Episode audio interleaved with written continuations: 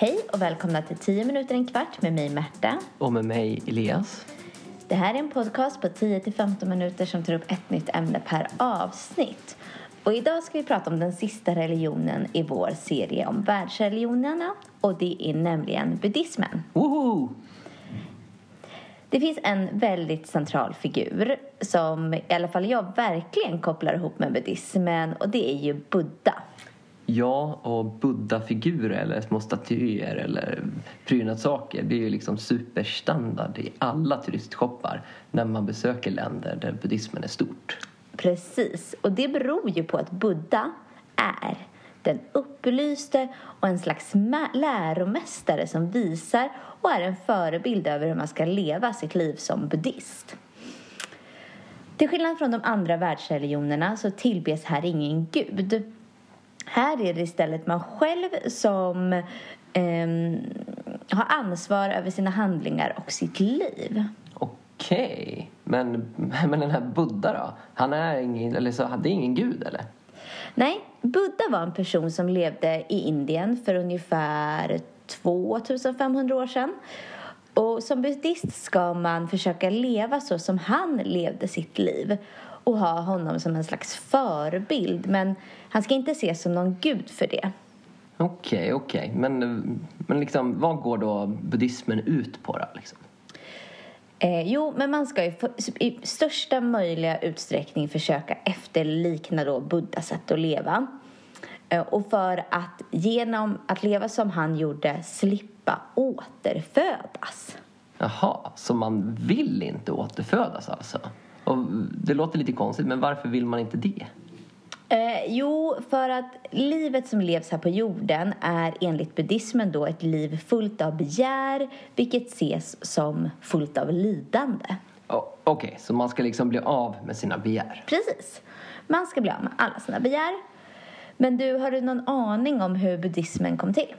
Men genom Buddha, tänker jag. Delvis rätt faktiskt. Buddhismen har sina rötter i hinduismen. Buddha var nämligen hindu eh, in, liksom, han var hindu.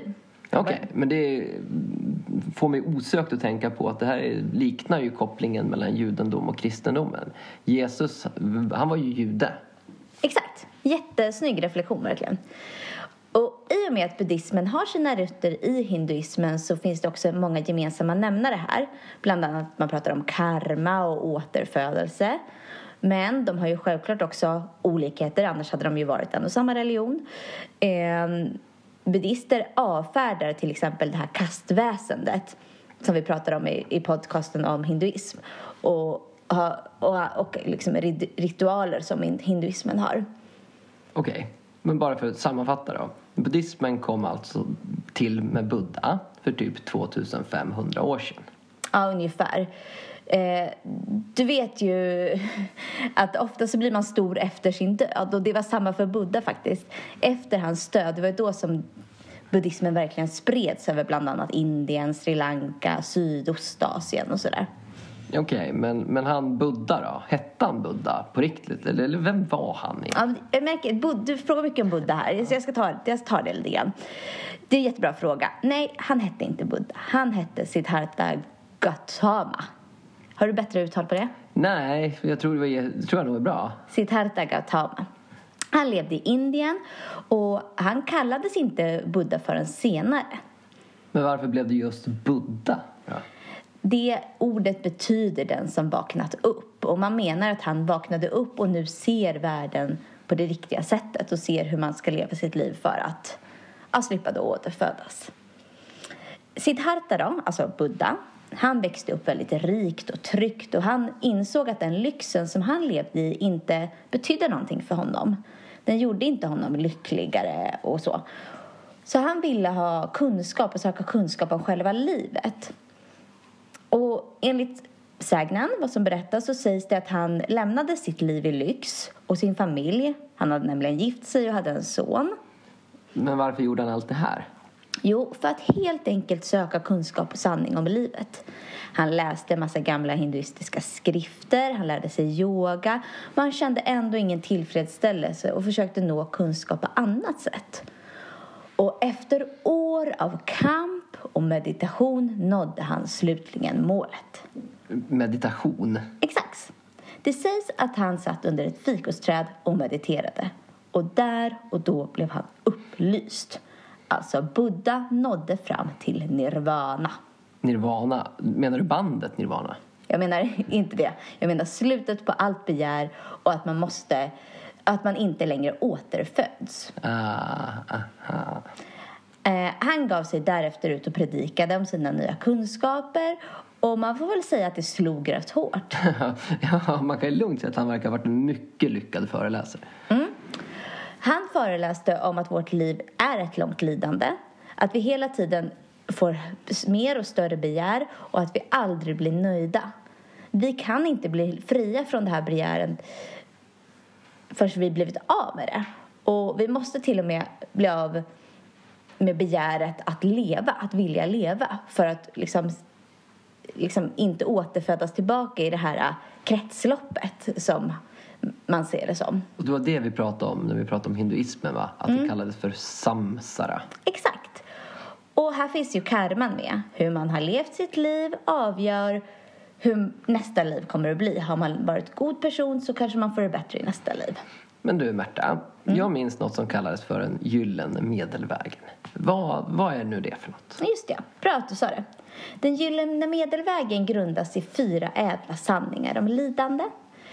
Och det är som du hör på namnet, fyra stycken. Och den första innebär allt lidande. Och där menar man allt, liksom, att allt mänskligt innebär lidande som, och är kortvarigt. Som födelse, sjukdom, smärta, död.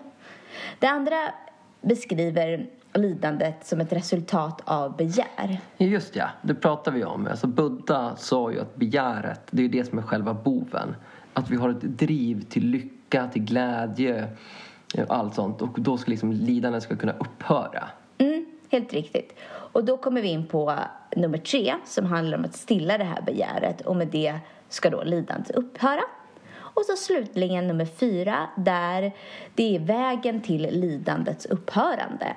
Buddha menade att man genom den åttafaldiga vägen, alltså åtta olika metoder, ska kunna sluta återfödas. Sen är det en sista grej som jag tänker att man behöver ha koll på. Och vad är det för något? Jo, men det är den sammanfattande, de tre juvelerna som förenar alla buddister. Och det är att Buddha är läraren, Dharma är läran och Sangha är gemenskapen eller församlingen som tar med alla. Ehm, så. Och jag vill också säga att det finns flera olika inriktningar inom buddhismen. Och så man vill liksom läsa på mer om dem, då får man göra det på egen hand, tänker jag. Okej, och så med det sagt, då är det lite tack för idag, eller? Precis. Ja, och vi som har gjort den här podcasten heter Elias och Märta och den är gjord i samarbete med vikarielärare. Till den här podcasten finns det en lärarhandledning och elevmaterial som ni kan använda innan, under och efter podcasten. Ni hittar podcasten på våra sociala medier. Vi finns på Facebook som vikarielärare. Gå in och gilla oss. Och vi finns på Instagram som vikarielärare. Gå in och följ oss. Ni hittar också podcasten på vår hemsida www.vikarielärare och där hittar ni också elevuppgifterna och lärarhandledningen. Det finns det inloggande läget i vår kunskapsbank. Och lösenordet dit är vikarielärare med litet v. På Facebook har vi också gruppen Lärarnas kunskapsbank där ungefär 15 000 lärare dagligen delar material och tips. Du som lärare kan ta och gå med där tycker jag. Ha det bra! Hej då!